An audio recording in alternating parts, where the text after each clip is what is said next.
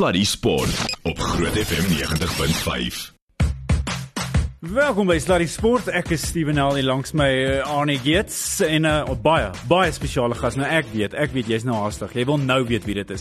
Byt vas vir 1 minuut want ek het vir jou goeie nuus. Annie, ons voel vrygewig, is amper Kersfees. Moet net nie deurbyt nie, maar byt vas. Dit is 'n goeie ding. Dis maar hier is ongelooflike werklikware goeie nuus en jy kan dit so maklik doen. Ja, nou sê, hoor jy moet weet hier's hier's 'n lekker program met voorlees. Mm. Hierdie gou moet aframmel. Twee luisteraars staan die kans om elk 6 uh, eh, rugbykaartjies te wen vir volgende naweek se stryd tussen die Vodacom Bulls en Saracens. Dis Saterdag 9 Desember om 08:30.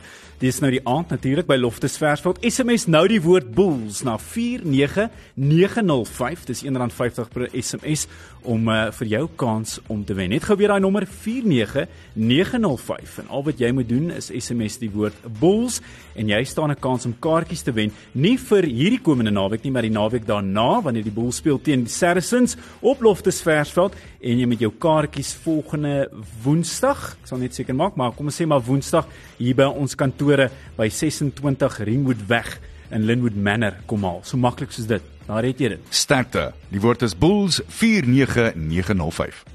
Annie, ons het 'n baie baie spesiale. Ek moet ja, ja, ek weet nie hoe ons hierdie reg gekry het nie. Ek moet dan net sê Brandon Stone wat so 3 weke terug ons gas was het gesê, "No, my best mate is Murray." To say, "Murray who?" Chris Morrison, man, the all-rounder. Surely you know. Is saying, Adlia, Chris Morris, so nice to have you with us in the studio. I firstly want to say thank you so much for your time. I really appreciate that. Lucky to see you. How's life treating you? Absolute pleasure to be here, guys. Um, yeah, life's good. I should have retired a lot earlier than I, should, than I wanted to, but no, look, I'm I'm really really in a good space. Um, was, I had to retire for for many a reason, but the main reason was for family and for me to be able to drop my kids off at school and pick them up at school for me is, is the most awesome and amazing feeling. So just happy and content, as they call it. I was going to fall in with that, and I was going to say to you, on a personal level, I was really disappointed to see you call it because I saw. I saw you going for forever and doing incredible things. Yeah, look, it, I always talk about it. it wasn't a, a, a difficult decision, but it was a long thought decision. It was, I think it starts playing on your mind eventually when you know, when you when you start having your family and you start missing more and more and more. And mm. the, when I retired, my wife was pregnant with our second, so it was a case of I had a four year old at home and my wife was about to pop, and I thought, yes, like imagine I've got to go on tour now, and my wife's at home with a four year old and a newborn, and uh, for me, I, I couldn't sleep at night thinking about that. So. COVID regulations played a lot, a lot in that. It played a big part because you know they, my family would usually come on tour with me and we could spend time together. Whereas as soon as the COVID regulations hit, the reality was is that they would have to sit in a hotel room for ten days by themselves without me. And I mean, I would never. I don't know if there are any husbands listening here, but don't ever think of doing that to your wife because I tell you, it's going to end very badly. So, all of those things together, and also I did wake up on the 2nd of January 2021 and I looked at my wife in bed. It was early morning and it was a Sunday and I said, I've had enough. Yeah. I've, I do not want to go to practice. I'm done. Okay, sure. I'm done. And I, yeah. I, promise you, if on my way to practice, I'd always find a way to get myself up for practice because once you're there, yeah. you start playing and you get involved with the boys and you love it. But I literally woke up that morning. I was like, well, I actually don't want to play cricket again. And when you know, you know. Eh? Oh, I've, I've, been told that by so many people, and that's exactly what happened. Yeah. I just woke up going, I don't want to play anymore. And I never thought that would happen to me because I love the game of cricket so much. It's given me everything I've got. I've, my dad played professional cricket. I grew up, all I've known is cricket. So for me to wake up and go, I don't want to play cricket anymore was a shock to the system, but that's how I knew. And it's tough being a, a cricketer. Uh, you know, when we think about those tours, uh, you know, us guys here at home think, wow, it must be nice spending all those months in Australia and England but I mean, you miss important moments. I think that's what that's what people forget a little bit. Yes, yeah. listen. End of the day, uh, we don't want to make it make it sound bad because we are living our yeah, dreams. We're yeah. doing exactly what ninety-five percent of the world want to do. Mm. I think we fall in a bracket of five percent of doing something for a living that you love and you're successful at it. So we're not ungrateful by any means because I've lived my dream, but. The reality is, and, I, and I, I had to lay this the law down to my, my now wife, who I've been married to for nine years when we started getting serious, I said to her, babe, listen, you've got to understand, I'm going to miss so many important things. It's not yeah. going to be like this forever, but I'm going to miss funerals. I'm going to miss weddings. Sure. I'm going to miss birthdays. I'm going to miss births. I'm going to miss parties. I'm going to miss so many functions. And The reality is, I'm going to miss it for so long, and then it's going to stop, and then I'll be home. And you- We don't think about the same. We think about a, a, a, a sportsman coming home for the birth of his child, but that's that's about that. You don't ever hear of a sportsman coming home. Oh, his best friend's getting married. He needs Yeah. to go home now. Or His brother's getting married, or he's, he's got the birth of his brother's child. Whatever. And, and you know, the, the frightening thing about this is, and you know this from your dad's days, Maury, the, the fact that uh, in the old days, I went on that first tour to Australia with the boys, and that was, it was 14 weeks. Yeah. 14 weeks where you were away. uh, And, and then the wives didn't go on tour. Girlfriends didn't go on tour. It was you, and that was it. Correct. I mean, the, the reality, I think the longest I've been away is I did six months on the road out of the country. Oh. Luckily, my wife came with me. She met up with me. So it was it was for the T20 World Cup in 2016. So we did the World Cup, and then I stayed a week on my own in India because I didn't realize I I could have flown home before the IPL, but decided to stay for some reason. Um, and then my wife eventually joined me after two months away, and then we spent the next four months together on the road. But the reality is, you're out of the country for six months, and ah, Yeah.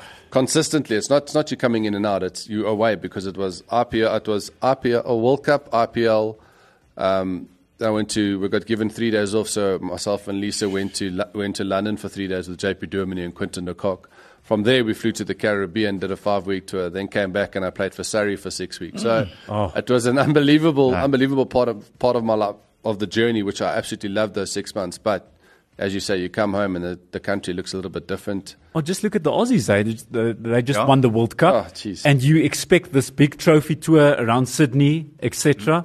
The guys are still in India Oh, yeah. playing in a new series now. Yeah, I think There's that- no trophy tour. I think the, uh, the few lucky ones that got told they could go home, specifically the bowlers got told they can go home and, Yeah. and, and refresh because they got a long season. But you know, you're absolutely right. It just does not stop as a professional sport. You think of the footballers. Footballers won the World Cup. Or even the look, recently, look at the rugby players. Mm. You know, the Scottish guys got knocked out uh, out of the World Cup, and literally two days later, Finn Russell's run, running out playing. of the preseason Yeah. game. So Yeah. it doesn't stop professional sports, and the days are gone where you've got, I don't winter's rugby season. Yeah, yeah. Oh, right, cricket, summer sport. No, it's all year round. It's all year round. Let's go all the way back. Um, I, I want to. The, the first question that always tickles me is when did a young Chris Morris first go? The light bulb moment when you went, "Geez, I'm quite good at this."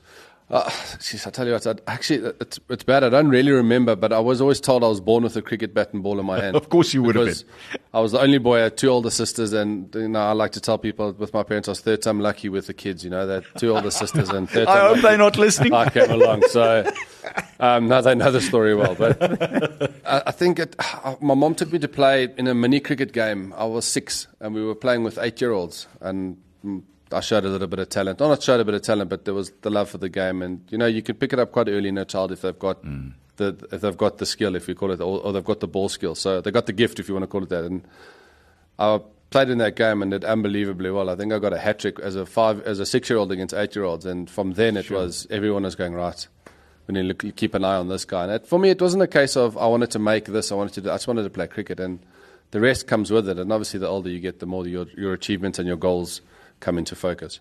And and your dad, uh, did he uh, did he uh, put pressure on you? Did he ever say, "Listen, Boyke, you better you better shape up. People are expecting things," or was he relaxed? No, absolutely never. Now, my dad was one of those parents. He always managed to hide in the background because he never ever wanted to give that impression of that he was there and I was playing because of him. So Exactly. he would always arrive late. He would always make sure I could see him because Oh. I, as a son, you'd always look for your daddy. So he would always manage to sit away from the parents and hide in the corner until high school. But um, no, he never ever put me under pressure. He was never ever a case of, listen, you're going to play cricket. This is how, it was a case of, all right, if you're going to do it, this is how we're going to do it, and this is your discipline. So I got instilled the discipline of cleaning your shoes, cleaning your pads, making sure your clothes are ready the night before, making sure your whites are white, your shirt has to be tucked in. So that was distilled into me from a very young age, but there was never ever any pressure to say, listen, there's expectations on you. The only expectations on me was to be a, a good human being, and Yeah. and thankfully I was raised right, so I like to think I am. And I, I loved what you said right at the top when we opened up, and you said you, you gave it up because you wanted to be a family man. I assume you got that from your dad. Well, yeah. I mean, my, the one thing my dad was always good at when he was on tour, he whenever he was away, and I mean, I was very young when my dad was playing. So he retired in '91, so I was four. But my mom will always always told me that whenever he was away, he always made up for time, and you know, whatever he missed or whatever he, the time he missed, he would always try and make up for it. And you know, a lot of the a lot of the guys when they get back on get back from tour, it's a case of nah, we've got Bryce here, we've got Bryce that. No, spend some time with your family first, and then you can go to Bry. Mm. Look, if the family comes with, that's a bonus. But your friends can wait. It's it's the people at home the most important thing. So, yeah, it's it's, it's a good way to be raised. Lovely. Then a young Chris Morris now discovers that I can quite do this thing. Was it batting or was it bowling or was it both? How did that happen? Oh, because Jeez, Arnold, it was everything. It was batting, bowling, soccer goalkeeper, hockey, golf, Oh, really? tennis, badminton. I played anything with a ball. Yeah, no, I was, I was, I loved sports. So for me, the big Man United fan. So I grew up watching Man United. Oiki, let me give you a high five, man. All There you go. So this turned For- into a support group. He now. knows- he knows his For, soccer, man. It's like rehab, rehab for Man United. at the moment, yeah. So yeah, for my sons, I'm a United fan. So I've grown up watching football. I love my football. I absolutely love rugby. Never strong enough to play it, so I would have been broken in half. So I played hockey at school. Um, loved every single thing that had to do with the sport except water polo because I kept drowning. so no, it was a, it was a case of anything that had a ball I was available. I, play, I mean, remember I went to Lyttelton Primary, so they were even at softball, and I was playing that at oh, some stage. So anything that had to do with the ball, I was always outside. And I always tell people I never owned a PlayStation. I used to climb trees because that's what I used to. I used to climb trees to fetch my rugby ball because I used to 95 World Cup. I mean, who didn't want to be Joel Stransky? So exactly. Yeah. I just grew up playing any sport possible, and, and naturally cricket took over because it, it was uh, what what my dad did, and you want to do what your hero does. So I just wanted to ask, how did you make the decision that you said it just came naturally? yeah, it was always going to be cricket. It was always. I mean, like I said, I mean, if I could have, I would have been a Springbok lock and lift a few trophies. But you know, I was. I like to think I was built that way, but I wasn't. So no, it was always going to be cricket. Cricket was my first love. I mean, you, you sit on the side. You literally grow up on the side of the cricket field watching your dad play, and you know, your, my dad was my hero. So I watch what your hero does. You go, geez, one day if I'm half as good as him, I'm going to be a good cricketer. So Any other other I- idols growing up? Yeah, so I think my original one is Allan Donald. Yeah. he was he was my guy always. I mean, I pinched myself moment when my ODI debut had a fly through into England and. Allan Donald sits me down and says, "You know you're going to play tomorrow," and I've gone, "Sorry, who? You know my name."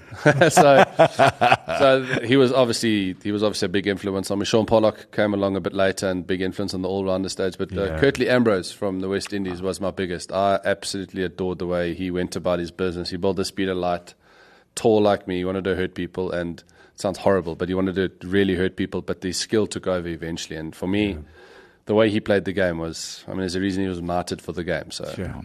I, I, I've seen many, but to me, the scariest sight. I, I was commentating at the Wanderers, and I had the binocs on his face as he was running in from the Corlett Drive end. That face oh. is a scary thing. Yeah, I, I'll never forget. It's it's one of my most endearing sporting moments. Is looking at that face, th- thinking, how do you take strike against that face? Yeah. You know? No, the easiest place to face this is on the other side. Take a single and move. No, Get there's- out of there. And the thing is, there's was nowhere to hide with those oaks, Yeah, So that, and that's a, that's a scary thing. There's no place to hide because that guy's bowling that quick both sides. But yeah, just Ambrose action. And they want to send a, me- send a message, Yeah. not of love and hope. no, no, no, no, no. Yeah. It's What did AD say? He's only happy when he sees blood on the wicket. yeah, uh, don't blame him because I tried to do it myself, but I was never as quick. Let's talk about the, the all round thing. I, mean, I just by chance looked uh, earlier in the week when uh, the New Zealand captain Williamson got to 29 centuries test. And there, of course, in second spot is Jacques Kallis. The king. The king. The king. That is, is, is he the best all rounder of all time? He's the best cricketer of our generation. Okay. I mean, look, I always people always talk about. I know Viv, Viv, Viv Richards was the best, and hmm. I know Garfield Sobers was the best. But I go, listen, I can't, I can't compare them because I never saw them. So hmm. I've always got to talk about my generation and of our generation from since Jacques Kallis started to the time he ended.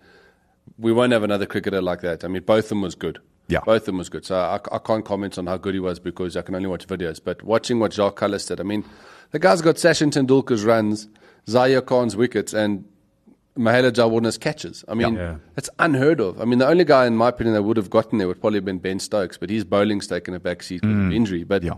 Kallis is by far the best cricketer we've ever seen, and that's why when they call King Kohli, listen, Kohli, I love him. He's a good okie. He's a great cricketer, but there's only one king, eh? Yeah. And it's Yeah. No, I, I looked at those figures again. I, I, the one that struck me the most was, geez, I forget now how many innings, but he only had nine ducks in his test career. That's the one thing that struck me. You go out to bat that often, you make almost 14,000 runs, and you're going, you only had nine ducks. You know, how? Correct. I mean, it just shows you how good the guy was. I mean, his first test, first ten test test matches, I think he averaged fourteen. Yeah.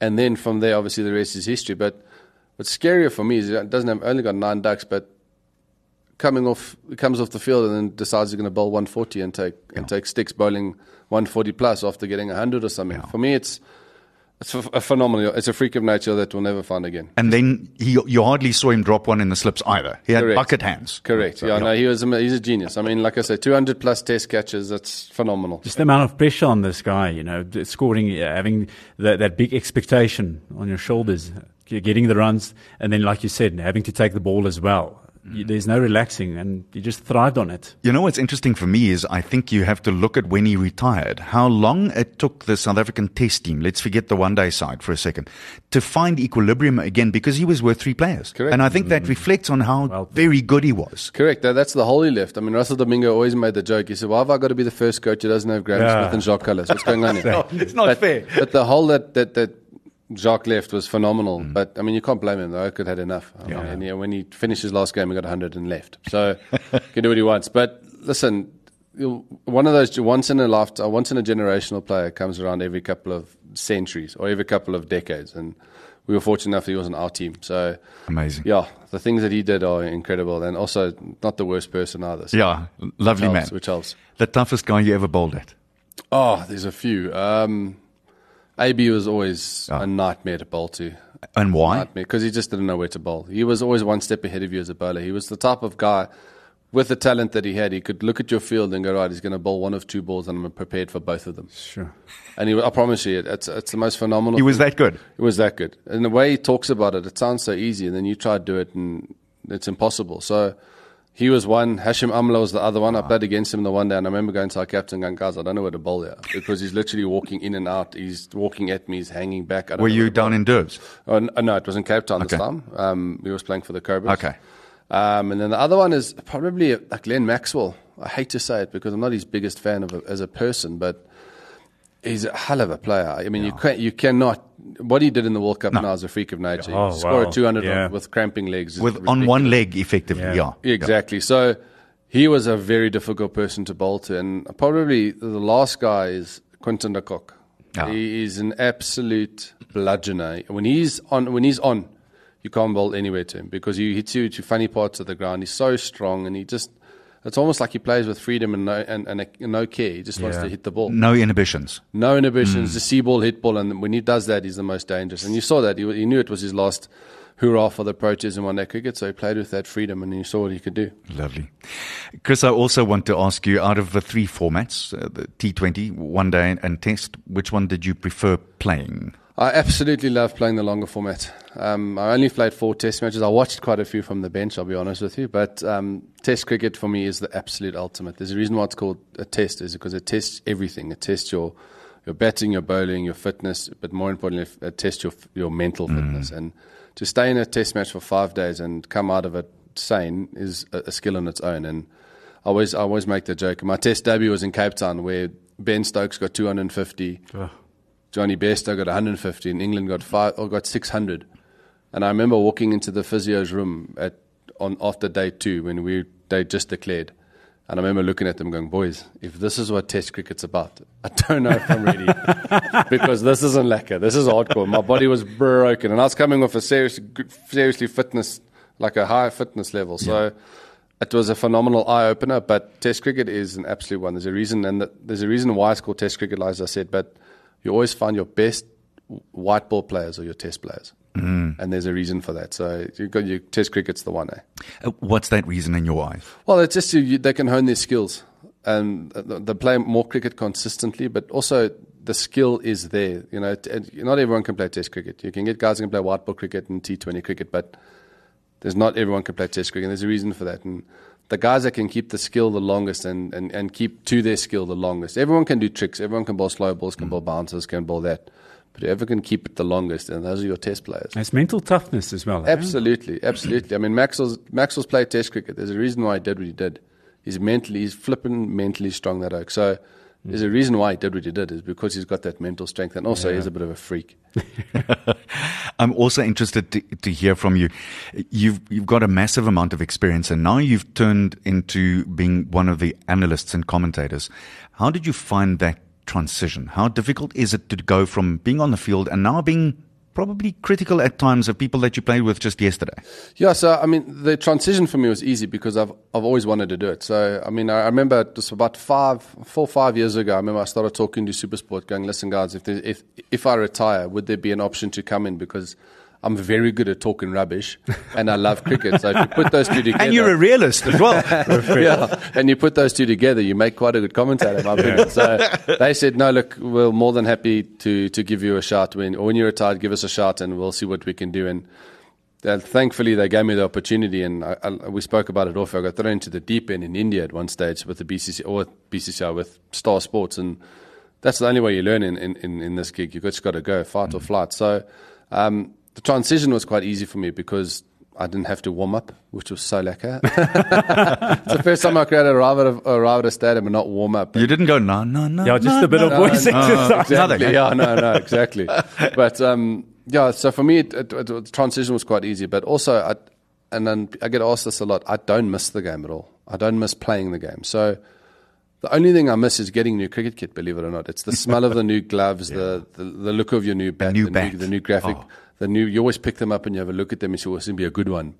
nah, this one's not going to be that great. I'll use them in the net. So that's the thing that I miss the most is getting new cricket kit because it was such a thing for me as a kid, getting new cricket kit. Because I didn't get a lot of cricket kit growing up because we weren't well off. When new stuff came, it was such a privilege. So every single time I got new kit, and my wife doesn't understand it still to this day, that I got new cricket kit and I pick my bats up and I go, look, babe, and look at my stickers and but that for me is the only thing I miss. So going to a game and watching a game of cricket for me is actually quite nice because now there's no bias towards anybody. I can actually sit back and appreciate the game for what it is. I don't have, I hope this team wins or I hope this guy does well. No, it's a case of I actually don't care who wins. I can, can just, just watch enjoy. cricket and enjoy. It. oh, lovely. It's really cool. Yeah. I'm still like that with golf balls, believe Yeah. it or not. I'm still thrilled. And when I take a new golf ball, I, had on last Friday, took a new golf ball out the sleeve and I go, oh, it's beautiful. And, and it's one of those things that you don't, 100%. if you're not well off, if you didn't grow up with the privilege of getting new golf balls Yeah. as a kid, you, you really appreciate that. Funny enough, uh, with my spiritual dad earlier today, we spoke about exactly that, Darby Spies and I. We spoke about the fact that you, your life needs to be based on thankfulness so much. You sound like you're a, thankful guy, I'm a guy who's aware of it. Yeah, I'm grateful. I mean, hmm. I don't take things for granted. I'm, I'm, especially from where I've come from and to where I am now. It's obviously I see the the way my life's going in terms of the way I, I want to go with it. It's, it's so much influence from my parents and my grandparents and my sisters and my uncles and and it's just gratefulness. I'm never ever taken anything for granted. And for me, the reality is, is I, I always tell people I'm eternally grateful for what I've got. So I don't take it for granted.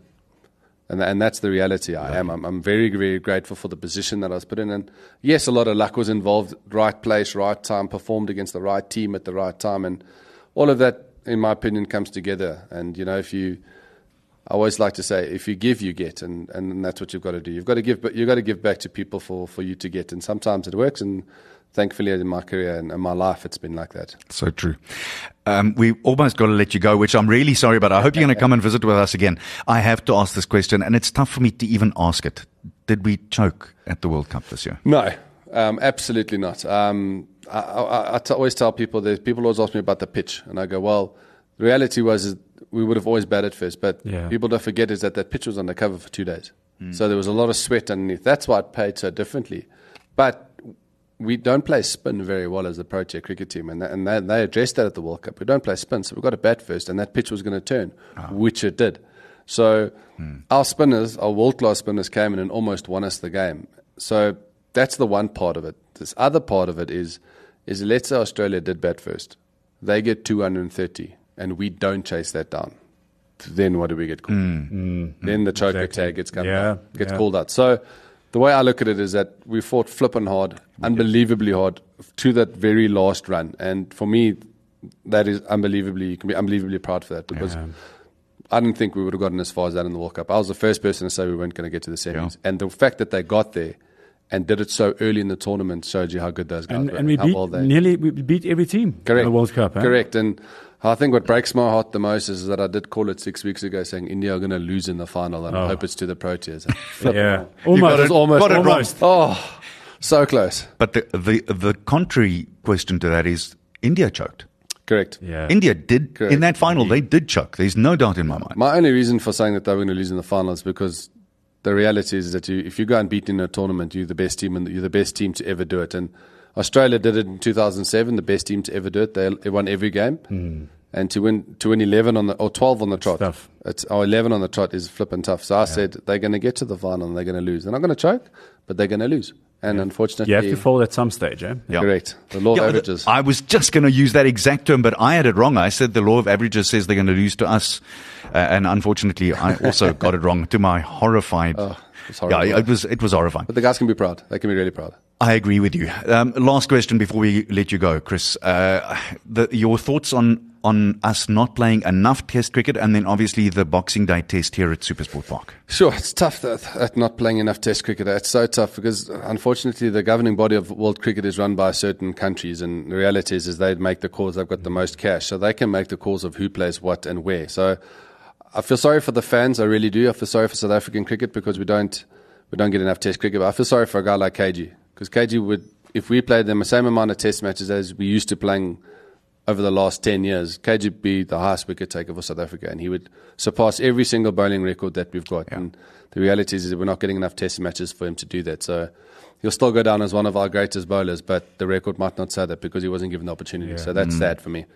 And uh, yeah, Boxing Day, cheapers, what a day! Eh? That's- I mean, there'll be a lot of Pretorians and uh, a lot of Centurions that won't be going down to the to the coast this year. So I tell you, it's a seriously, seriously special occasion to play in a Boxing Day Test match. I was privileged enough to be involved in a few, and it's an unbelievable experience. Even if, as a fan, you get. To, I remember I used to go watch if we had the opportunity to go watch a Test match in, on Boxing Day, and it's a, it's a seriously cool thing to watch. And you're playing against a seriously good Indian side, so. If you get an opportunity, make your way down to Supersport Park. I'm not punting it at all, not because I'm an ex Supersport Park player, but yeah, it's a, it's a serious event, and you know the players are going to need as, as much support as they can, and it might be hot, so there might be a few beverages on sale. Just a few. Christopher Henry Morris, Morris, 'n voormalige Suid-Afrikaanse beroepskriketspeler wat vandag by ons gekuier het. Uh, Murray, thank you so much for joining us.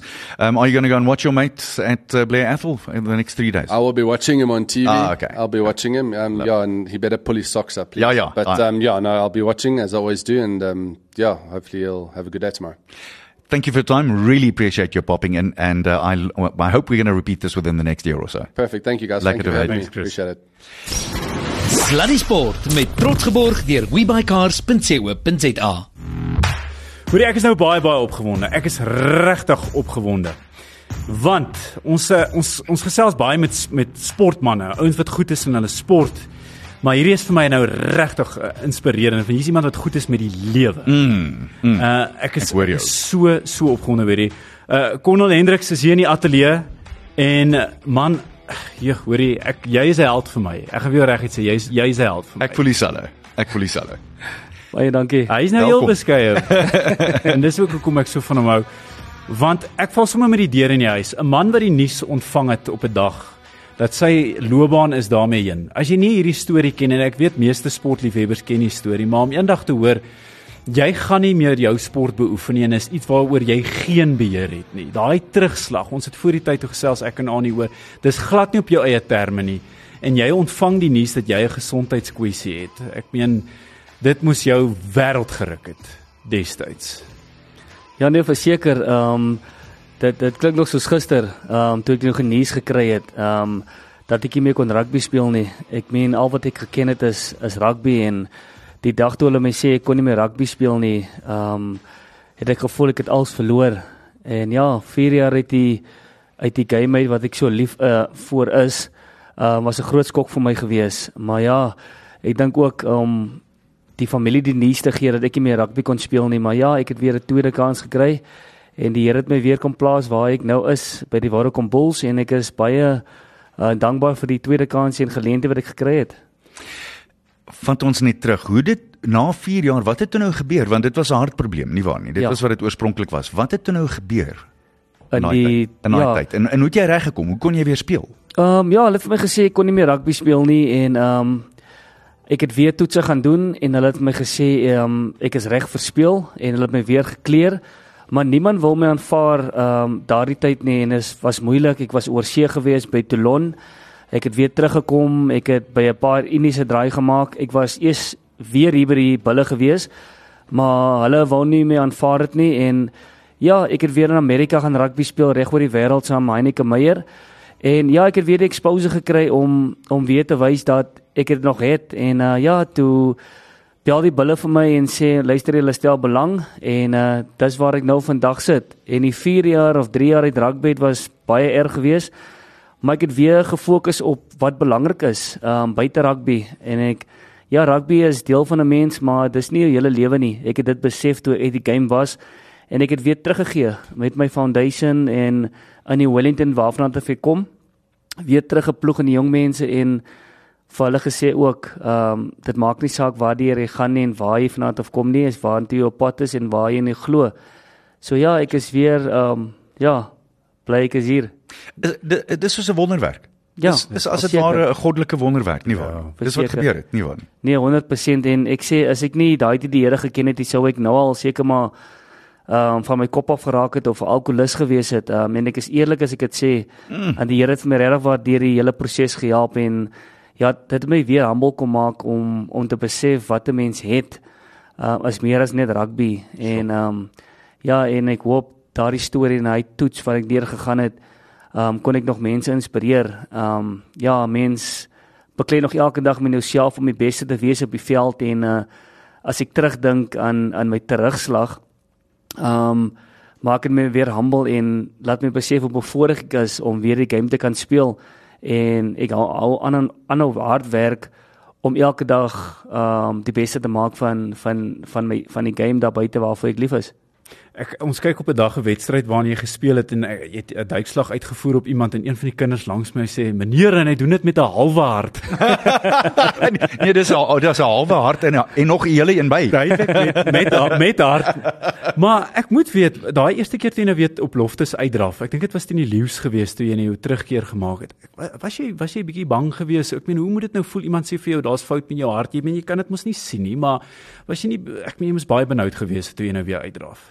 Ehm um, ek het redelik 'n uh, 'n klomp toetse gedoen voordat ek weer op die veld gedraf het. Soos voorheen gesê het is ek het weer oor see gaan speel in Amerika. Oh, ja. En uh maar toe ek die nuus kry, was dit vir my obviously was 'n skok vir my gewees. Ek ja. moes nou weer daai konferens teruggain en die dokter wat my eintlik uh ondersoek het, het vir my gesê luisterie, ehm um, ek het al 50 different harte gesien al. So jy kan my trust, maar ek sê toe sê ek vir hom dok, luister hier, die ander dokters het my gesê as ek op 'n treadmill hardloop, gaan ek gaan daar dalk iets gebeur.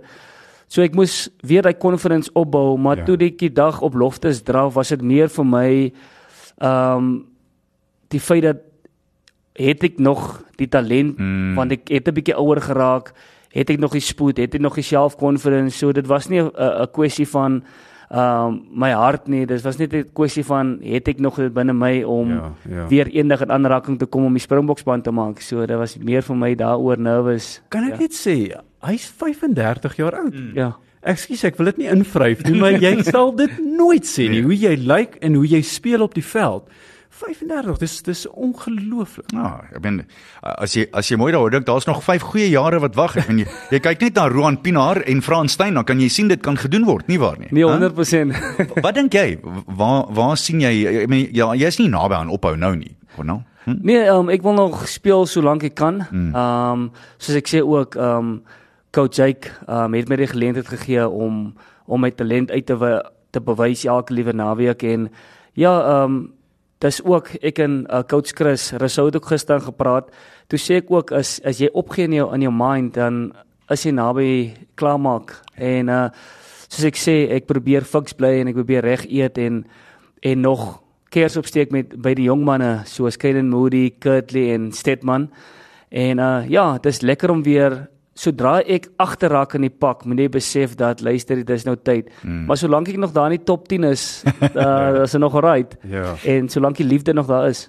Ek het 'n interessante vraag vir jou. En is nou die tweede keer in die program dat ek na hom verwys, maar my geestelike pa Dawie Spies het so 'n paar weke terug saam met jou gewerk en jy het die mees ongelooflike storie vertel van daar waar jy vandaan kom.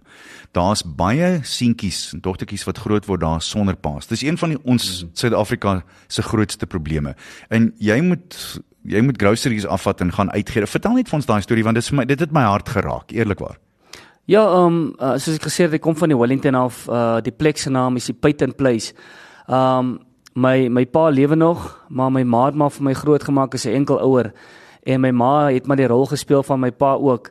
Ehm um, dis daar's baie stories wat ek van my ma kan vertel, maar die een ding wat sy vir ons geleer het is ons het nie baie nie, maar respek en harde werk as die enigste uh, is die groot ding wat 'n mens nodig het. Jy moet jouself respekteer, ander mense respekteer en wees altyd 'n helpende hand. So van van waar ek na te kom is maar baie kinders raak met ehm um, hulle maans of hulle pappas groot en om 'n vaderfiguur in jou lewe te hê is baie belangrik. Ehm um, van jou pa se hero. En uh, in hierdie geval is my ma my hero.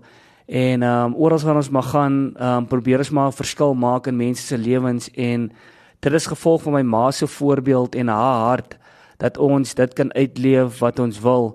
En sy was 'n groot ons is nog steeds 'n groot inspirasie vir my uh, want ek ek kan onthou eendag toe daar groot man by my huis kom werk en toe hy nou op die straat gestaan het sê ek oom kan by kom werk vir 'n vir iets van ek gaan nou vir hom betaal. Toe sit hierdie groot man nou en gras uitpluk. Toe kyk my ma vir my toe sê sy nee Konel. Dit lyk nie reg nie.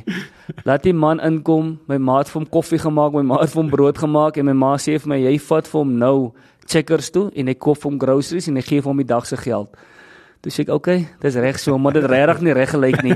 En dis maar wie my ma is en dis hoe sy vir ons groot maak en dis dis dis die way hoe sy vir ons gepyf het. So ja.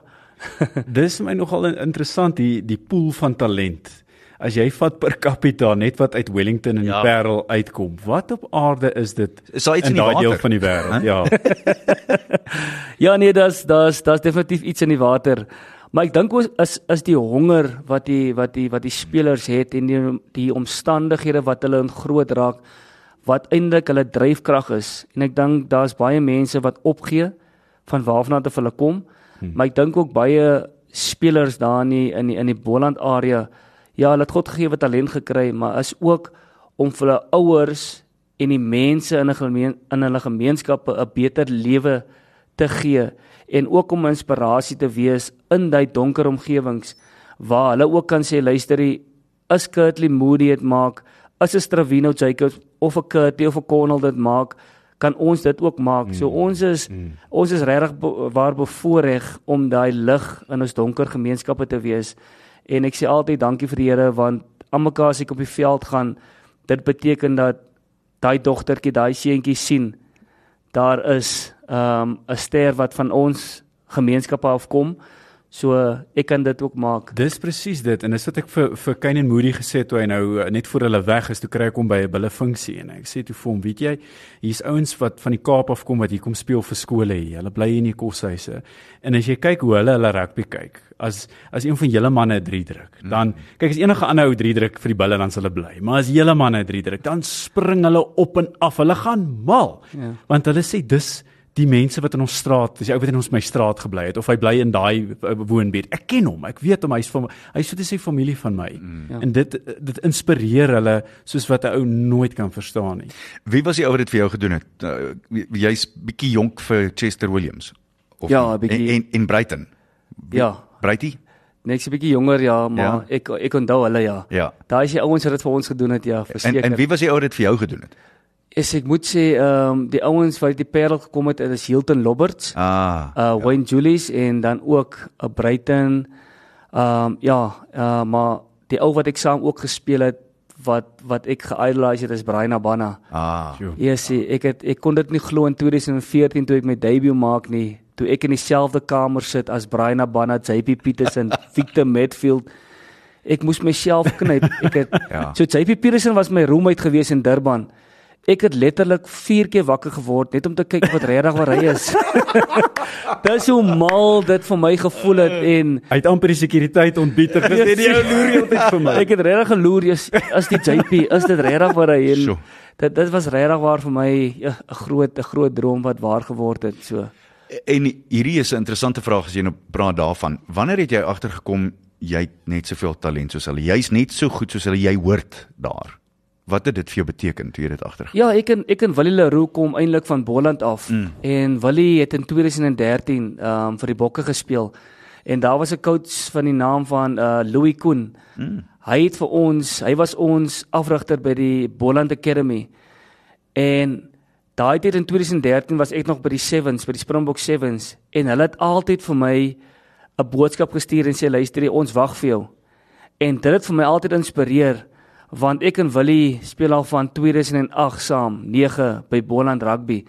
En ons kom al 'n lank pad al en hy het ook vir my geïnspireer om om by die bokke uit te wil kom. En almekaar as ek Willie op die veld sien, is ek obviously trots op hom, maar dit het my gedryf om eendag saam met Willie te speel by die bokke en ook om saam met Helde daar te speel. So die dag toe dit waar word, het Willie my amper omgespring en ek het hom omgespring want dit se droom wat waar geword het en uh ja, coach Louis het ook altyd vir ons inspireer um om eendag daar uit te kom. Jy praat van coaches. Ehm um, vertel vir my van Jake White. Ja, coach Jake um is 'n uh, baie interessante coach. 'n Man met vele talente en obviously 'n uh, 'n uh, household name soos ek dit sou kan sê, respected um reg oor die wêreld en coach Jake is 'n 'n goeie voorbeeld vir ons en ek meen hy het vir ons gesê toe hy by die bulle aankom, "Hoekom kom jy werk toe as jy nie wil wen nie?"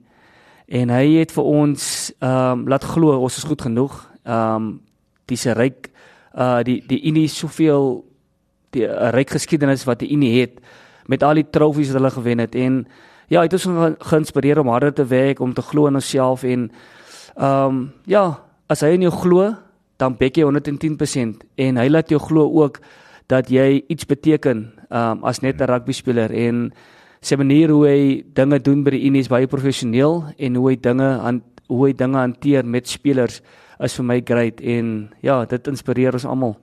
Ek wil jou net gou-gou hierop wys. Boland Cavaliers 68 wedstryde, Cheetahs 27, uh Bulle 53 and counting, Blue Bulls 24, die 12 vir Suid-Afrika, die Suid-Afrikaanse sewes, die Springbok 15. Hierdie jy ontskuif hier aan hier na 200 uh, eerste rangse wet. Inteendeel as as jy jou Toulon wedstryde daarbey inpas, dis 'n ongelooflike lot ondervinding wat jy bring. Is daar jong laities, die jong latte wat na jou toe kom uh, in in jou vrae vra? Is jy is jy al op daai ek wil amper sê elder statesman uh, status by die jonger spelers? Ja, nee, verseker, ehm um, net om reg ehm um, stelling te maak, daai ek het nog nie vir Toulon gespeel nie. Ja. Uh maar ja, daar is manne wat na my toe kom om raad te vra en goed en uh jy sê eintlik snaaks as jy onder 18 mannetjies daar verbykom en hulle sê hallo oom. ek het so gelag nou die dag toe iemand ek dink is een van die jong manne daar hallo oom. Toe sê ek okay, hallo hallo oom se kind. Ek ken nie eers tannie. Ek ken nie eers jou jou tannie nie man. Ja. so ja, daar is spelers wat raad vra en vir my is dit regtig waar wat ek geleer het oor die oor die 15 jaar wat ek al sport speel al wat ek geleer het by Brian Abana wat ek geleer het by al die manne wat ek in aanraking gekom het. So daai kennis wat ek opgedoen het um, om te deel saam daardie jong manne veral soos die wings, ehm um, die manne wat vleuel speel. Ek is ek speel nou center, maar dit wat ek geleer het ehm um, by die bokke, dit wat ek geleer het by Brian, by JP, ek kan dit nou ek kan dit oordra aan die jonger generasie en dis klein goedjies ehm um, wat 'n groot verskil maak. Gee my een of twee van daai wat jy noem klein goedjies. Soos as jy kom compete vir die bal, kom van die buitekant af binne toe want daar's altyd blokkers voor jou. En ehm um, as jy kontes vir die bal, ehm um, wen jy wen jy air battle. Ehm um, wees aggressief in die lug en en as jy pas, follow jou pas, laat jou lyf oor die bal ehm um, is van dat jy beter krag om om die bal verder te pas en meer spin op die bal te sit. Seker tipe goedjie so. Ja, Wat het die wêreldbeker wen vir jou beteken? Dit vir my baie beteken want dit was nog altyd my droom om in die wêreldbeker te speel. Ehm um, ehm um, Dwayne Vermeulen het altyd gelag want my song wat ek altyd voor 'n game luister is World in Union. Ja. en al twee Currie Cups gewen uh, en dit was altyd my song en my earphones is altyd het, het hard opgespeel en Hy het eendag my gevra, "Wat luister jy?" Toe sê ek, "Nee, ek luister What in Union." Toe lag hy. en daardie song ehm um, het omdat dit kom van lank af 95 World Cup en 2007 het ons weer die World Cup gewen. En ja, die World Cup van 2000 ehm um, 2023 het vir my baie beteken want dat soveel ehm um, spelers wat ek saam gespeel het 'n back-to-back wen. Mm. Alhoewel graag ek wou daar gewees het maar dit vir my baie beteken want dit is hulle wen wen ons almal wat vir die bokke al gespeel het al en dis net iets mooi vir my te sien So dit het regtig maar great vir my beteken, um omdat wil hulle almal daar was, Andre Pollard hulle wat ek saam gespeel het by die Bulle. En dat my seentjie wat 3 jaar oud is nou ook die rugby kyk en hy's hy's bokke mal en bulle mal.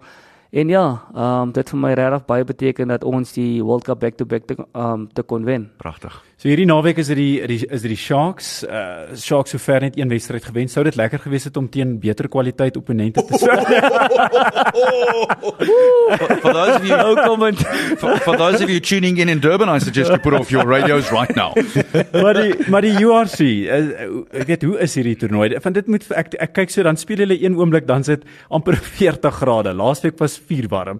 En dan kom julle nou net terug waar dit amper sneeu en die gras is nie regte gras nie. Ek weet dit moet 'n baie intense toernooi wees. Ja, die URC is 'n baie interessante toernooi. Ehm um, soos jy nou gesê het is jy speel hier dan sit 40 grade, 35 grade. Dan gaan jy in Ierland, is jy dan is dit hoeveel minus 1 mm. of 1 of 2 grade waar dit laas jaar gespeel het in Lyon waar dit gesneeu het voor die game. Ja, ja, en ehm um, dit is verskriklik vir ons. Maar ja, jy leer om aan te pas. Ehm um, en veral die 4G pitches ook wat wat baie vinniger is ehm um, as ons pitches, maar ook ehm um, is nie so stabiel soos 'n normale pitch nie. So jy moet maar jy moet aanpas as die weer is die pitches en ek moet sê dis nogals hard om teen Ierse spanne en Skottiese spanne te speel.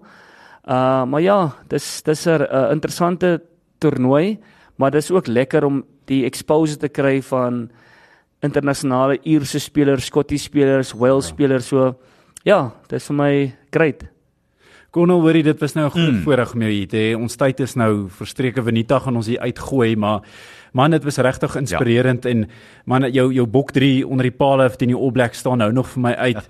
en ek weet, ek meen ek ek, ek seker jy sou nog baie toetse wou speel, maar ek dink dit is 'n absolute voorreg dat jy nog op die top vlak kan kompeteer uh, nog op hierdie stadium en dat jy die storie kan nou vertel en ek sien uit dat jy nog 'n groot mentor gaan wees in die in die toekoms. Ek dink die jong laities ek kyk regtig op na jou laities vroutjies almal en uh, ja jy het 'n storie om te vertel en sterkte met jou jou pad vorentoe. Inderdaad. Baie dankie. Dankie. Was lekker om hier te wees en dankie dat ek my storie kon deel en ek sou dit graag meer wil doen. Ons um, gaan ons gaan jou beslis terugkry. Ja.